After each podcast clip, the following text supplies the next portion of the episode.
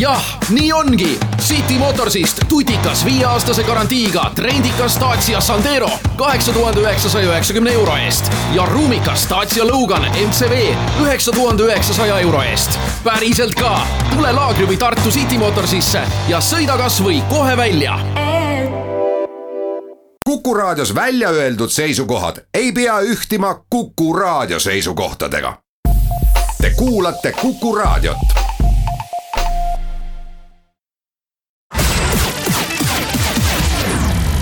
Nädala Tegija.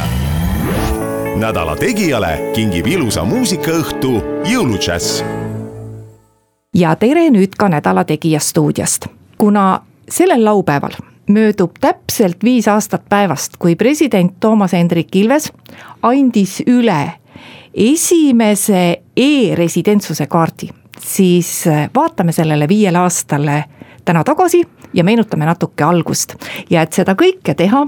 olen kutsunud stuudiosse selle asja väljamõtlejad ja ütlen siinkohal tere, Taavi Kotka ja tere, Rutt Annus. tervist, tervist, tervist. tere. saatejuht on Ulla Lents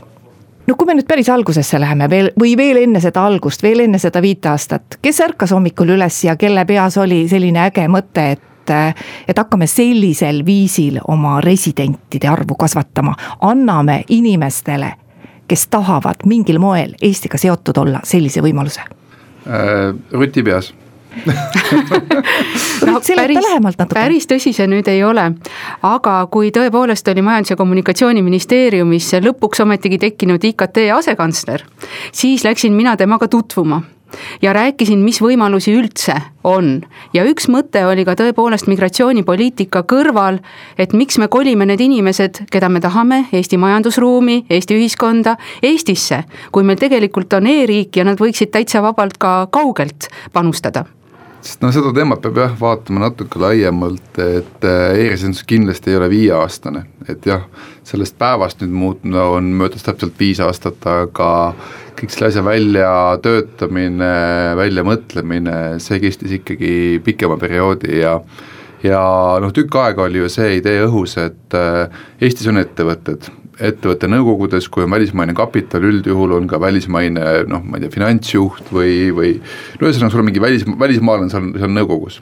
ja nüüd, kui sul on vaja aastaaruannet allkirjastada äh,, siis sul on vaja kas juhatusliikme või, või nõukogu liikme allkirju sinna peale, aga nad ei saa, sellepärast et väl-, välismaalastel digiallkirja ei ole, jälle lennuta dokumente ühest kohast teise, noh ilgelt ebamugav ja sealt nagu noh, see idee ju hakkaski kerima, et äh, kuidas me saame nagu teha kõigepealt nende inimeste elu mugavamaks ja alles siis noh, tekkisid muud mõtted, et, et oi, et aga noh, jumala eest, et äh, miks nad siis juba ei võiks ise ettevõtte alustada ja nii edasi, on ju, et, et ega see idee äh, ongi mõnes mõttes olnud nagu startup ilik, et ta nagu startup'i puhul sa kunagi ei tea lõpuks, kuhu sa välja jõuad, et sa hakkad kuskilt teed pidi minema ja järjest see toode läheb nagu paremaks, paremaks, paremaks ja ma ütleks alguses ausalt, et ega me täna oleme ikkagi kogu selle teekonna väga alguses veel, nii et äh, mine tea, millest me siin viie aasta pärast räägime, jah. no mina saan aru, et filo-, filosoofilises plaanis on see mingisuguse nagu äh, kunstlikult püstitatud tõkke lõpuks ma isegi ei ütleks, et ületamine, vaid mahatõukamine, et kui me vaatame, et eh, kuidas selle residentsusega meil enne oli ja kuidas üldse erinevates riikides on, siis riigid ju üldiselt eh, tahavad, et nende majandusse panustatakse, aga siis eh, kui tegemist ei ole selle riigi residendiga, siis ühel hetkel me hakkame nagu püstitama kunstlikke tõkkeid et inimesed seda teha ei saaks, et selles mõttes see oli nagu ikkagi sellise tõkke mahalükkamine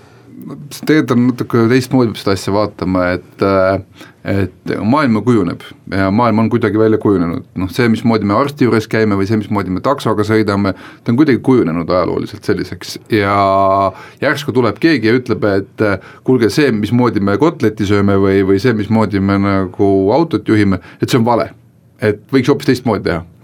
ja noh, enamus on sellised hullukesed, keda me laseme nagu mööda, aga, aga mõned noh, tulevadki ikkagi noh, päris heade ideedega. Ja ütleme ausalt, ega kui siin tuli see Uber või see sõidujagamise teenus, siis äh, see, et äh, taksomaffia nii-öelda monopol kadus, et sa said hakata taksot usaldama jälle, et sul on alati olemas äh, tõend selle kohta, et sa tõesti oled mingit teekonda läbinud ja nii edasi, seda nimetatakse nii-öelda ingliskeelse peene sõnaga disrupt imine või ühesõnaga sa, sa, sa, sa lähened mingile probleemile hoopis teistmoodi ja e-residentsus ka tegelikult läheneb mingile teemale täiesti teistmoodi, ehk siis mitte keegi teine maailmas ei olnud sellist mõtet varem nagu mõelnud või isegi oli mõelnud, siis polnud vähemalt teostanud. Ja eestlased võtsid ette ja tegid ära lihtsalt. Kui raske oli alguses seda ideed nii-öelda maha müüa, kui raske oli teha selgeks, et asju võib teha ka teistmoodi, kui siiamaani tehtud on? No Taavile ja Siimule ei olnud üldse raske seda ideed maha müüa.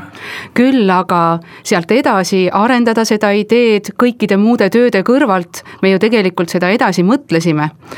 ja eks see oligi ennekõike kannatlikkust, järjekindlust, selgitust ja ka väga paljude hirmude mahavõtmist. sest vaadates tõepoolest, et, et kas see nüüd oli mingi kunstliku tõkke mahavõtmine, siis pigem see oli tõepoolest selline mõtteviisi muutus, sest tavapäraselt ikkagi tõepoolest riigid toimivad oma elanikega. ja kõik, kes ei ole oma elanikud, on igal juhul ütleme siis nii, et neid vaadatakse teistmoodi ja kuidas siis ikkagi saada inimesed kaasa mõtlema, see oli võib-olla kõige suurem probleem. Oli kaks probleemi, üks oli selgelt see, et kui me räägime mitteresidendi digi-ID-st, siis no seda minu arust maha müüa on peaaegu võimatu, kui sa kõigepealt ütled, kes sa ei ole ja siis noh, sa võid ikka nagu natuke tulla ka aga koostöös jah, kui meil tekkis ikkagi kontseptsioon, et meil on e-residendid, kes elavad e-riigis ja me pakume midagi neile päriselt, siis sealt edasi oli noh, ütleme Taavi ja Siimu supertöö. no selles mõttes seal on ikkagi üks väike nüanss, et äh, noh, me kirjutasime ju äh, IKT arengukava eesmärkidesse aastal kaks tuhat kolmteist, et äh, selle e-residentide numbri. Ja see oli, veel vaidlesime seal Siimuga, et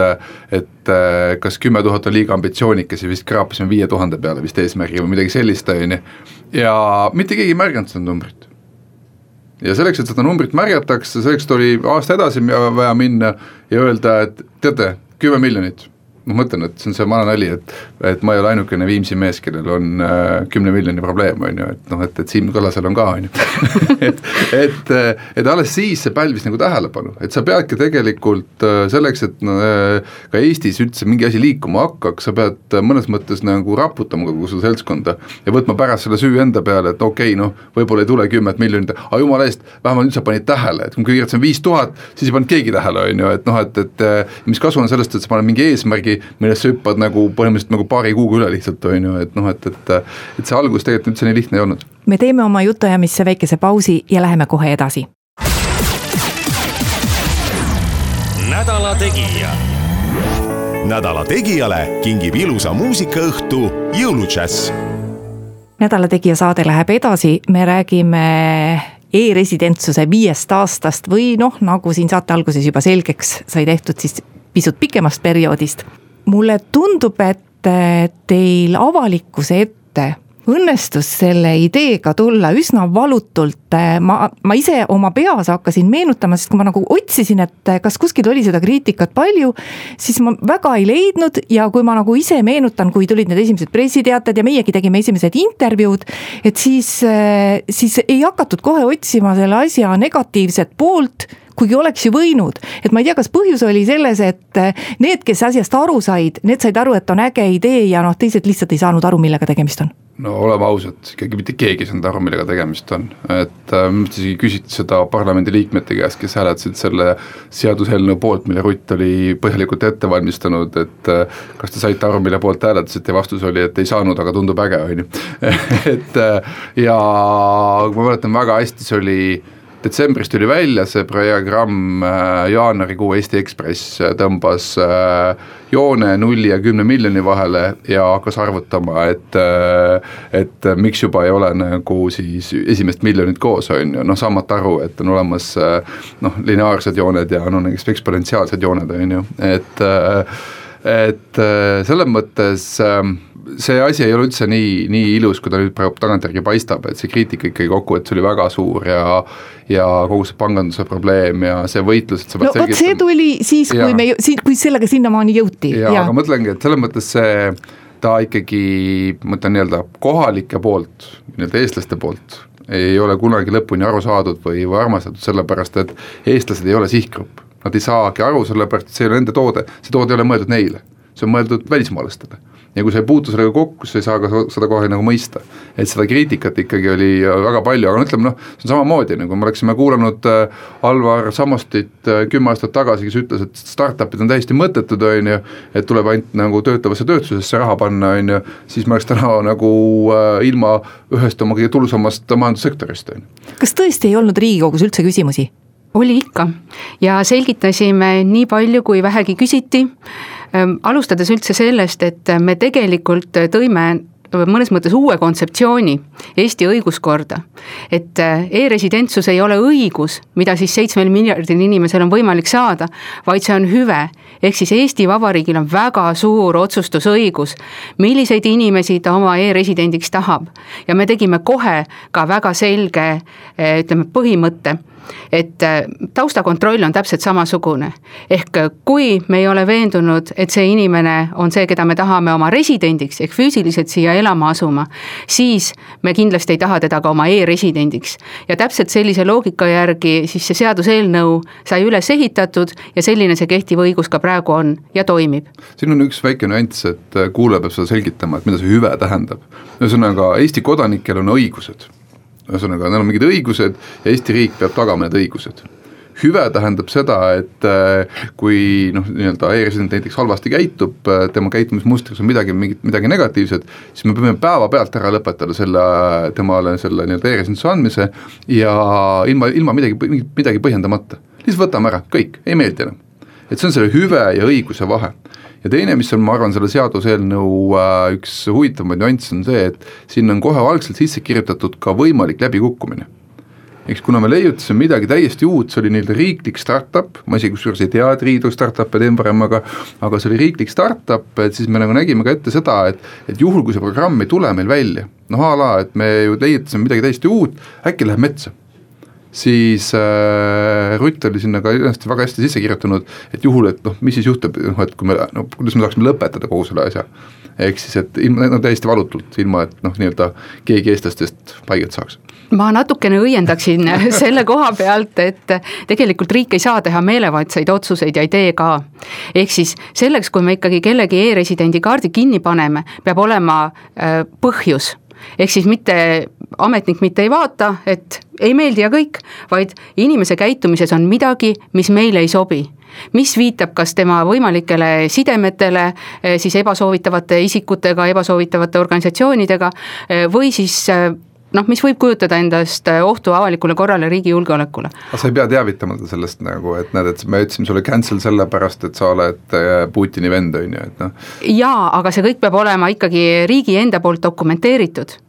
seda küll kui palju on sellist jama olnud? no üks protsent on täna meil neid umbes, kellele vastatakse negatiivselt. ehk siis, kes juba taotluse hetkel ei, siis ei saa, et kui meil täna on kuuskümmend kaks tuhat e-residenti, siis üks protsent on umbes kuussada, on, on kuskil, kes on saanud siis negatiivse otsuse. aga ma täpselt nagu numbrit isegi pea, peast ei oska öelda praegu ja mina ka hetkel peast ei oska öelda, aga mõte on selles, et tõepoolest me teame sellest inimesest alguses võib-olla suhteliselt vähe, me teeme eh, nii hea taustakontrolli, kui meil on vähegi võimalik, aga me kindlasti eelkontrolliga kõiki riske ei maanda. ja siis on edasi juba võimalik vaadata, mida see inimene teeb reaalselt, kuidas ta oma digitaalset isikutunnistust siis kasutab. ja kahtluse korral, kui riigil tekib küsimusi, on kõigepealt võimalik need sertifikaadid peatada ja kui me ikkagi vastuseid ei saa oma küsimustele, siis ka see kaart kehtetuks tunnistada. et see on ikkagi põhimõtteliselt seesama, mis füüsiliselt siin oleva residendiga või inimesega, kes füüsiliselt eh, tahab olla siin Eestis ja taotleb residentsust. Jah, no selles, ma just räägin neid eh, tingimusi õiguslikus mõttes. aga noh, ütleme sisulises mõttes ta meie teede peal ei sõida, meie õhku ei hinga, meie meditsiinisüsteemi ei tarbi, et sellel on omad plussid ja omad miinused, ehk siis noh,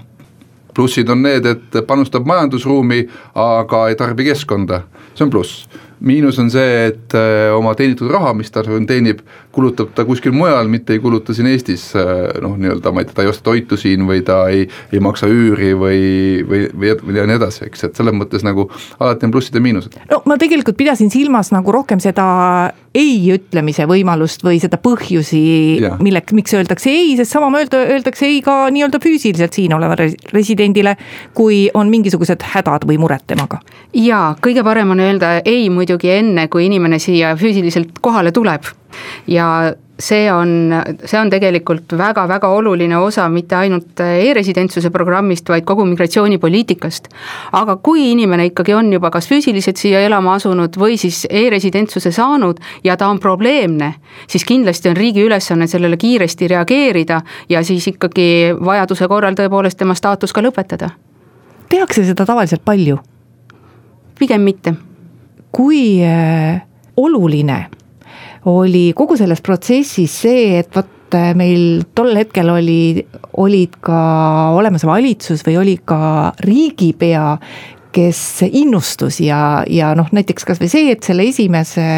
dokumendi Toomas Hendrik Ilves üle andis. no sel hetkel ta tundus küll pigem nagu riigi turundusprojekt. eriti kui me rääkisime, et ega väga paljud alguses aru ei saanud, aga et, aga et noh, et vot kas seesugusest toest oli ka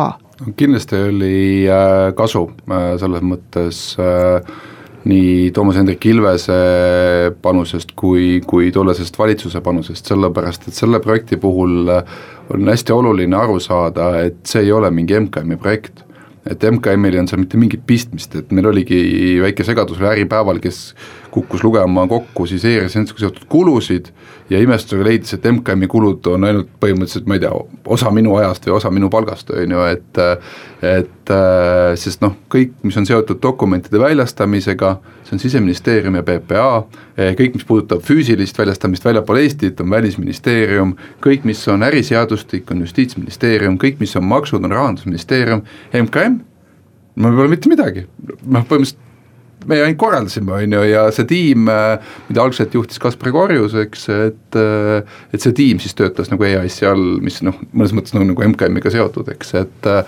et selles mõttes see panus on suur kindlasti poliitikute poolt ka, aga ega see, ka seal ei läinud lihtsalt, et ega me mäletame hästi, ega Ilvese enda ametnikud soovitasid mitte väga siduda ennast selle projektiga, sest noh,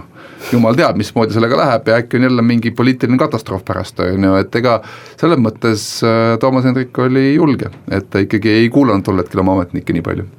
me teeme siinkohal oma jutuajamisse natuke pikema pausi kuuleme ära Kuku raadio poolesed uudised ja siis räägime edasi nädala Tegija. nädala Tegijale kingib ilusa muusikaõhtu jõuludžäss nädala Tegija saade läheb edasi, stuudios on Taavi Kotka ja Rutt Annus ja me räägime e-residentsusest, selle programmi puhul võib öelda, et nüüd on ta saanud viieaastaseks, aga nagu saates olijad teavad, siis tegelikult on natukene pikem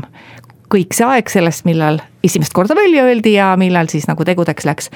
Eh, me rääkisime natukene nendest takistustest, et eh, korra te mainisite juba, et ega kõik ei läinud nii libedaks, et noh, et näiteks eh, mis jõudis ka ajakirjandusse, oli alguses pankade vastuseis. et vot kuidas selline noh, nagu teavitamine käib, et kas see käib pigem sellisel viisil, et sa vestled inimesega silmast silma, see inimene kasvõi seal konkreetses pangas teab, kes sa oled. Eh, teab, mis on su taust ja sa suudad teda veenda või kuidas, see ei käi ju lihtsalt liigutades mingeid ametlikke dokumente ja. ja, ja vahetades siis noote, mis on siis kas natukene kriitilisemad või vähekriitilisemad no selles mõttes pangandusega me sattusime nagu väga halba aega, et äh, kaks tuhat neliteist, kaks tuhat viisteist Eesti pangad juba teadsid, millise sõna otseses mõttes, vabandust, aga pasa sees nad olid, on ju. ja kui suur tegelikult oli nende rahapesu probleem ja seetõttu olid ka juba arusaam, et noh, et selge, et me noh, nii-öelda välismaalastest äh, panga klientide osakaalu väga suurendada ei saa. Sel samal ajal nad ei saanud meile rääkida sellest, kui suure pasa sees nad olid, vabandust, et nad äh, selle informatsiooniga tulid ikkagi mitu aastat hiljem alles välja ja täna me loeme siin äh, miljardites neid numbreid, eks, ja nüüd saame aru, et jumala eest, kui ma oleks seda teadnud tollel hetkel, võib-olla me poleks teinudki e-residentsust, on ju, et et äh, see oli meile päris suur šokk, kui ikkagi Eesti pangandus ütles, et aga me ei toeta teid. Ja noh, see ei ole esimest korda, et äh, kui me mõtleme näiteks ID-kaardi ajaloo peale, siis äh, täpselt samamoodi, et sai pankade eestvedamisel ja õhutusel riik tegigi omal ajal ju ID-kaardid ja siis ühel hetkel pangad ütlesid, et aa ei no esialgu me ikkagi nagu noh, teile tuge ei paku ja ise kasutusele ei võta, on ju, et, et et selles mõttes Eesti pangandussektor on niisugune nagu päris omapärane partner Eesti riigile, et ja ma ütlen, meie päästjateks kokkuvõttes osutus tegelikult Euroopa Liidu uus regulatsioon, mis võimaldas siis sellise noh, nii-öelda uut tüüpi finantsasutustel turule tulla. Noh, et tuli välja, et meil polegi panku vaja, sest e-resident ei vaja laenu või, või liisingut, et ta vajab tegelikult kontot, ta vajab raha liigutamise võimalust.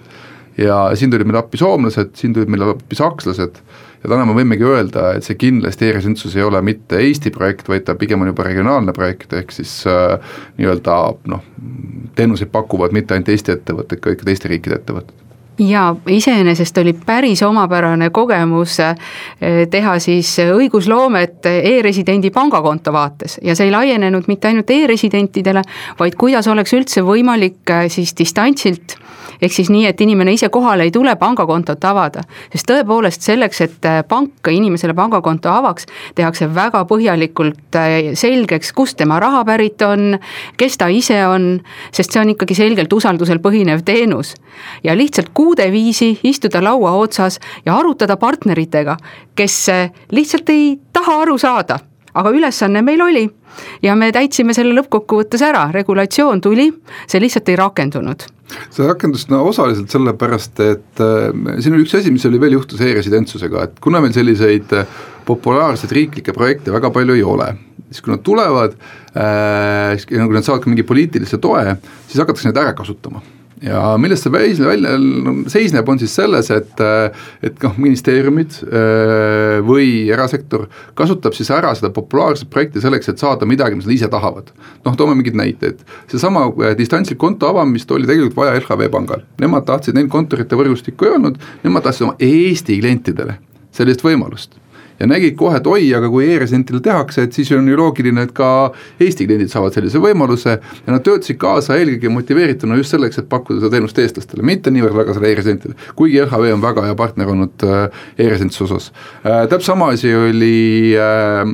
näiteks Justiitsministeeriumiga, kes küsis sõna otseses mõttes oma mingite muude arenduste peale raha, selleks et noh, rääkides, et näete, me teeme seda e-residentide jaoks, jaa, me teeme seda muidugi teiste jaoks ka ja teistel on seda isegi rohkem vaja, aga kuna nagu noh, e-resident on niisugune popp termin, on ju, siis äkki teie programmi kaudu saab nagu rohkem raha selleks, et oma muudatused ka ära tehtud saaks, on ju. et see on selles mõttes nagu muutus nagu mõnes mõttes ka ärakasutamise programmiks mingil hetkel Eesti, Eesti riigis. kas me täna teame ka, et kui meil pankadel see suur rahapesuprobleem nüüd on, et kas mingilgi määral keegi neist e-residentidest võib ka sellega kuidagi seotud olla, eriti kui see sellisel kriitilisel ajal tuli? teadaolevalt ei ole seal ongi see sama suur vahe, millest me noh, mida ma ei tea, kas, kes teadlikult või tahtmatult nagu Eesti pangandus nagu avalikkust eksitas, et noh, ERSN-il täna on ikkagi väga selged limiidid, noh mis summades ta raha üle kannab ja mismoodi ta käitub, pluss tema tegevusest jäävad ikkagi väga suured digitaalsed jäljed maha, on ju, versus sellega, et sul on terve osakond lihtsalt pumpab Venemaalt raha nagu Inglismaale või Ameerikasse, on ju, et noh, et need pole üldse nagu võrreldavad nagu teemadki üldse, on ju. pluss seaduse järgi on ka limiteeritud, kui palju üldse ERSN saab kontolt raha välja võtta ja nii edasi, on ju, et ütleme niimoodi, et selle kaudu raha pesemine võtaks ikkagi väga-väga kaua aega, on ju, et, et, et noh, on lihtsamaid viise maailmas selleks, et raha pesta. kuulge, kes need e-residendid meil siis nüüd põhiliselt on ja kuidas see alguses see vastukaja mujal maailmas oli? ise, ise te ütlesite, et Eestis ka algul keegi ei saanud eriti aru, millega tegemist on, aga kas mujal need, kellele me suunasime selle ettevõtmise, kas nemad said algul kohe aru?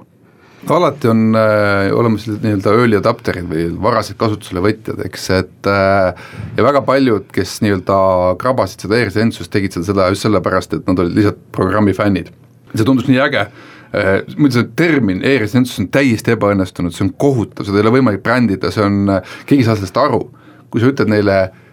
nagu digitaalne kodakondsus mis ta ei ole, ta ei ole, me ei tohi tarbida seda terminit, aga ütleme, kui sa ütled nagu, nagu, nagu digital citizenship või digitaalne kodakondsus, siis kõigil nagu plahvatab ära, et ohoh, Nad saavad mõttes kontseptsioonid saavad nagu siis pihta, aga noh, ütleme, me ei tohi seda terminit kasutada, sest ta ei ole digitaalne kodakondsus, et ta on nagu noh, ütleme nii-öelda sellelaadne toode, on ju, et või noh, ühesõnaga ta paistab nagu seda, sedamoodi, on ju. ehk sellest nagu kindlasti alguses aru ei saadud ja esmalt me ju turundasime seda kui välismaalane, kes elab väljapool Euroopa Liitu, kui sa tahad Euroopa Liidus business'it teha, tee seda läbi Eesti noh, mõnes mõttes see oli see meie sõnum. täna me vaatame statistikat, vaatame numbreid, meil on viiskümmend protsenti e-residentidest on Euroopa Liidust.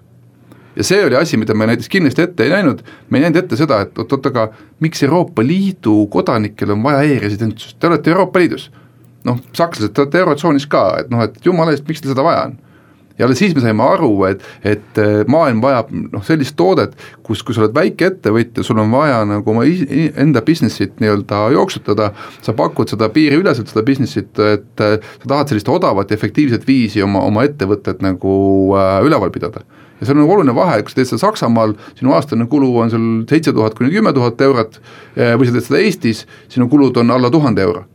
nii lihtne ongi üks sama Euroopa Liit, üks siis, üks riik teeb efektiivsemalt, pakub teenust efektiivsemalt ja see oli päris suur murrang äh, selles teadmises, et ohoo, et see ei ole mitte ainult välis, väljapoole Euroopa Liidu klientidele, vaid ka Euroopa Liidu klientidele, see toode. kui palju alguses tuli väljapoolt selliseid küsimusi, mis panid tegijaid enda, ennast ka mõtlema, et ah, ohoo, me võib-olla selle asja peale polegi mõelnud no väga palju ei olnud, sest äh, kuna me alguses vaatasime seda ikkagi tõepoolest residentsuse analoogina, ehk siis me väga hoolikalt valime neid inimesi, keda me e-residentideks võtame, siis iseenesest e-residentsus ei tekitanud otseselt uusi riske. küll aga muidugi võimaldab äh, mõningate riskide realiseerumist suuremas mahus. ja just nimelt nende riskide haldamisega, maandamismeetmete väljatöötamisega, mis kindlasti ei ole ainult siseministeeriumi pädevuses, kuigi noh, osaliselt on, eks eks ju, avalik kord, riigi julgeolek ja väärkasutus on siseministeeriumi pädevuses. aga näiteks rahanduse poole riskid, seesama maandada võimalikke eh, siis eh, rahapesust tulenevaid riske, et need kõik olid selgelt laual ja vastavate asutustega me reaalselt eh, tegelesime nende probleemidega, et neid ennetada ja võimalikult vähe jätta ikkagi sinna tõkestamise ja avastamise poole peale ma arvan, et Kaspar Korjus ja Ott äh, suudaksid täna, Ott Vatter suudaksid nagu täpsemalt rääkida kõiki neid äh, algse, algse aja probleeme, kindlasti ei, palju küsimusi oli maksude kohta. sellepärast, et arvati, et tegemist on järjekordse maksuparadiisiga. ja päris suur oli paljude nii-öelda potentsiaalsete e-residentide pettumus, kui nad avastasid, et oi, et see ei olegi mingi Panama või see ei olegi mingi Malta, kus sa saad rahulikult nagu, nagu maksusoodustusi, on ju me teeme ühe pausi oma jutuajamisse veel ja hetke pärast jätkame. nädala Tegija. nädala Tegijale kingib ilusa muusikaõhtu jõuludžäss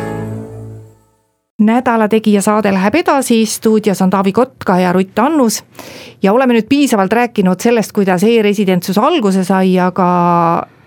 mis edasi saab, muide, kas täna keegi on selle järele ka teinud või? Äh, on olemas koopiaid, äh, mitte päris samas mahus, aga kärbitud koopia on Dubail äh, ja päris laivis selle aasta septembrist. Aserbaidžaan väidab, et midagi sellist teinud, ma ei ole kasutanud ja Leedu on ka vist alustanud oma seaduseelnõu väljatöötamist ja Leedu oma peaks olema nüüd üks-ühele meiega, et see on nagu puhas koopia tuleb sealt aga selles mõttes on sul õigus, e-residentsus avas täiesti uue ukse, ehk siis Eh, noh, ütleme nii-öelda riigiteenus või majanduskeskkonna kui teenuse pakkumine on olnud nagu riigipõhine monopol. iga riik pakub seda oma piirkonnas, oma lokatsioonis. ja see, mida nüüd Eesti tegi, mis ukse Eesti avas, ta näitas, et oot-oot-oot-oot, et see ikkagi ei ole monopol, vaid see on konkurents. ja kui mõni riik teeb seda odavamalt või osavamalt, siis inimesed liiguvad äh, ja hakkavad kasutama nende teenust. ehk siis, kui see keskkond on kokkuvõttes nagu parem. et samasuguse analoogi võib leida Ameerika Ühendriikidest, kus äh, enamus äh, Fortune five hundred noh, nii-öelda kõige rikkamatest ettevõtetest on registreeritud Delaware'i osariiki, mis on pisike-pisike osariik New Yorgist lõuna pool ja ainult sellepärast, et selles osariigis äh, äriõigus on hoopis teisel tasemel kui ükskõik millises teises osariigis USA-s. ehk siis Coca-Cola peakontor ei ole Atlantas, vaid paberite järgi on Delaware'is, samamoodi ei ole Apple Silicon Valley's, vaid tegelikult on Delaware'is ja nii edasi, et, et selles mõttes me avasime ikkagi täiesti nagu uue ukse. kuidas edasi? Selleks, et olla konkurentsivõimeline, selleks ei saa ju sellele pidama jääda, missugused on need järgmised ideed? ma pean tunnistama, ma natuke olen isegi pettunud, et äh, ma küll enam ise ei ole avalikus sektoris, aga nõukogu nõukogu esimehena ikkagi tegutsen selle projekti juures, et äh, selge on see, et, et, et me pidime hakkama sellest projektist ka rohkem raha välja võtma ja täna ikkagi, kui me mõtleme äh, selle dimensiooni järgi, et kui palju e-residentsus raha toodab, siis kui ütleme nii, et kui me võtame, võrdleme võrdluse riiklike ettevõtetega, siis Eesti suurim riiklik ettevõte on Eesti Energia, numbri kaks on Tallinna Sadam, aga numbri kolme koha peale ma arvan, juba pretendeerib e-residentsus, ehk siis noh, puhtalt juba maksutuluna ma arvan, et need numbrid on suuremad kui näiteks Eesti Lotol või noh, meie muudel riiklikel ettevõtetel, et selles mõttes äriliselt on juba nagu ära tasunud, ammu juba aga startup'i puhul ongi oluline see, et sa ei jää mitte nagu oma loorberitele või esimesele võidule või esimesele kliendile nii-öelda pidama, vaid sa ikkagi kasvad, kasvad, kasvad, kasvad, kasvad suuremaks. ja täna noh, me ikkagi tõmbasime nagu hoogu maha eelmisel aastal selle valge raamatuga, sest ühiskond noh, pärast neid kõik neid rahapesuskandaale ja nii edasi, vajas seda tõestust, et oi, et, et kas ikka e-residentsus raha ka teenib, on ju. noh, nüüd me võtsime aasta hoogu maha, noh näitasime ära, et teenib küll, aga tegelikult, kui sa mõtled nagu startup'i ettevõtluse arenduse koha pealt, siis tuleks nagu anda määratavalt hoogu juurde ja mina ütlen ausalt, et ta peaks kuidagi rohkem saama ikkagi ka eestlaste endi omaks, et äh, ma täitsa uitmõttena mõtlen, et noh, et, et miks e-residentsus ei võiks olla börsiettevõte muide, äkki seletate korraks ka, et mis on see e-residentsuse valge raamat? eelmisel aastal seda esitleti, siis oli sellest korra juttu, aga mis ta, mis ta endast tegelikult tähendab? E-residentsus kaks punkt null, millest siis see valge raamat räägib, on tegelikult ühtepidi ideekorje ja Eesti Vabariigi parimate peade siis poolt kokku pandud soovitused, kuidas e-residentsuse programmi võiks edasi arendada. üks asi on jah, see majanduslik dimensioon, aga tegelikult ka sama kultuuriteenuste eksport, et kuidas siduda e-residente rohkem Eesti ühiskonnaga, rohkem Eesti kultuuriga. sest äh, tegelikult selgelt Eesti Vabariigi julgeoleku küsimus on ka see, kui paljudele inimestele väljaspool Eesti Vabariiki on Eesti Vabariik oluline ja alustades tõepoolest nendest fännidest ja lõpetades inimestega, kes on selgelt äh, kultuurisaadikud maailmas, siis e-residentsus kaks punkt null on kindlasti palju rohkem kui lihtsalt majandusprogramm aga no ühesõnaga noh, tegelikult oli seal ka väga selge sõnum, et äh, ikkagi näidake ühiskonnale ka majanduslikku kasu. ehk siis, kui sinnamaani oli selge eesmärk, et me kasvatame lihtsalt nagu nii-öelda oma majandusruumiga seotud inimeste arvu siis äh, sel hetkel oli, et, et hakkame rohkem mõõtma seda maksutulu ja, ja seda, seda nii-öelda sõna otseses mõttes raha hulka, mis me sealt programmist nagu teenime. et mis on nagu õige, et sa pead ka näitama, et sa suudad raha ka teenida, eks, aga ütleme niimoodi, startup ilikult peaks nagu noh, ma mõtlen, et kui ta nii palju raha tagasi toodab, siis, siis peaks peale investeerima ja, ja edasi kuuma andma ikkagi kas need sellest nii-öelda e-residentide, no ma ei tea, kas seda saab kogukonnaks nimetada, et, et noh, et me ikkagi räägime, et tegemist on ju inimestega, kes äh, selleks, et oma äriasju ajada, saavad mugava keskkonna, käis korraks lause läbi, et äh, äge oleks, kui me saaksime ka nii-öelda Eesti fännid nendest ja, ja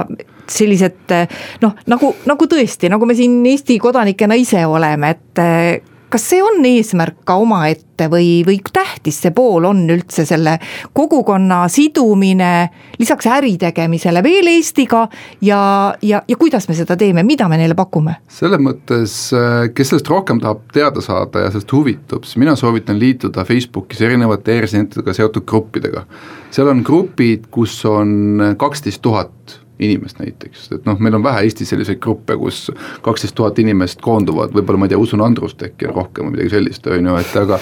aga ühesõnaga ja nad aitavad üksteist, et kui tuleb näiteks, et hei, et äh, olen uus e-resident ja olen Marokost, kas siin grupis on veel keegi, mina olen seal passiivne, ma lihtsalt jälgin, mis seal nagu toimub, mis nad räägivad seal omavahel, ehk siis ka vastastikune aitamine käib, et näed, et äh, et pea silmas näiteks a la neid maksunüansse või mida, midagi iganes, et nad omavahel tegelikult ikkagi aitavad ja kokkuvõttes äh, kõige paremini töötavad ikkagi need asjad, kus inimestel on noh, mingi kasu sees, noh mingi, mingi majanduslik kasu enamjuhul või mingi kasu on nagu sees, et sellist nagu koondumist, äh, üksteise abistamist, seda on väga palju. ma sattusin Melbourne'i siin paar aastat tagasi ja mulle kirjutas täiesti võõras inimene, et et oi, et lugesin lehest, et te olete Melbourne'is, et meie e-residentide kogukond tahaks teile teha äh, pühapäeva hommikul hommikusöögi, et kas te olete nõus liituma hommikusöögile, noh täiesti lambist. Et äh, tulin just Ameerika Ühendriikidest äh,, teine eestlane räägib, sõitis New Yorgis taksoga, Hindu oli roolis, kes teatas, et tema on Eesti e-resident. Et noh, et miks sa seda Eesti e-resident oled, ei, et tema teenib New Yorgis Uberiga raha ja läbi e-residentsuse ostab Indiasse kinnisvara. no ühesõnaga, me ei kujuta isegi ette mis, milleks seda kasutatakse ja see ongi, ma arvan, selle asja juures nagu äh, fantastiline, nii kaua, kuni me suudame hoida ka oma riskid korras ja, ja olema kahe jalaga maa peal ja saame aru, et tegemist ei ole nagu noh, päti tegemise vahend. kui palju te ise veel kumbki isiklikult seotud olete selle asjaga, et lihtsalt niimoodi sellisel nõuandval äh,, juhendajaval tasemel või ka otseselt? No äh, meil on kodakondsus- ja rändepoliitika osakond, mille üks äh, poliitika on ka siis identiteedihalduspoliitika ja e-residentsus on otseselt siis meie osakonnas, nii et mina olen väga tihedalt selle programmiga jätkuvalt seotud ja hoian ka ise igapäevaselt sellel teemal silma peal. E-residentsuse nõukogu e, e-residentsuse programmil on nõukogu, mis koosneb siis erinevate ministeeriumite asekantsleritest üldjuhul kuna ta on selline koostööprojekt ja ka erasektori esindajatest. Ja selle nõukogu esimees olen jätkuvalt mina ehk siis ka mina nii-öelda olen vähemalt kord kvartalis siis teemaga seotud ja ja üldiselt ega kui vaja on aidata, kui e-residentsuse meeskonnal on mingi mure või või on, on kuskil noh, midagi vaja teha selle programmi jaoks, mina alati teen, et ta on ikkagi kokkuvõttes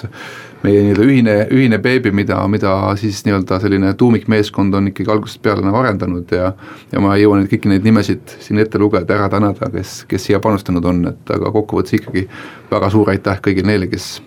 midagi täiesti ainulaadset on maailmale kinkinud, maailmale loonud.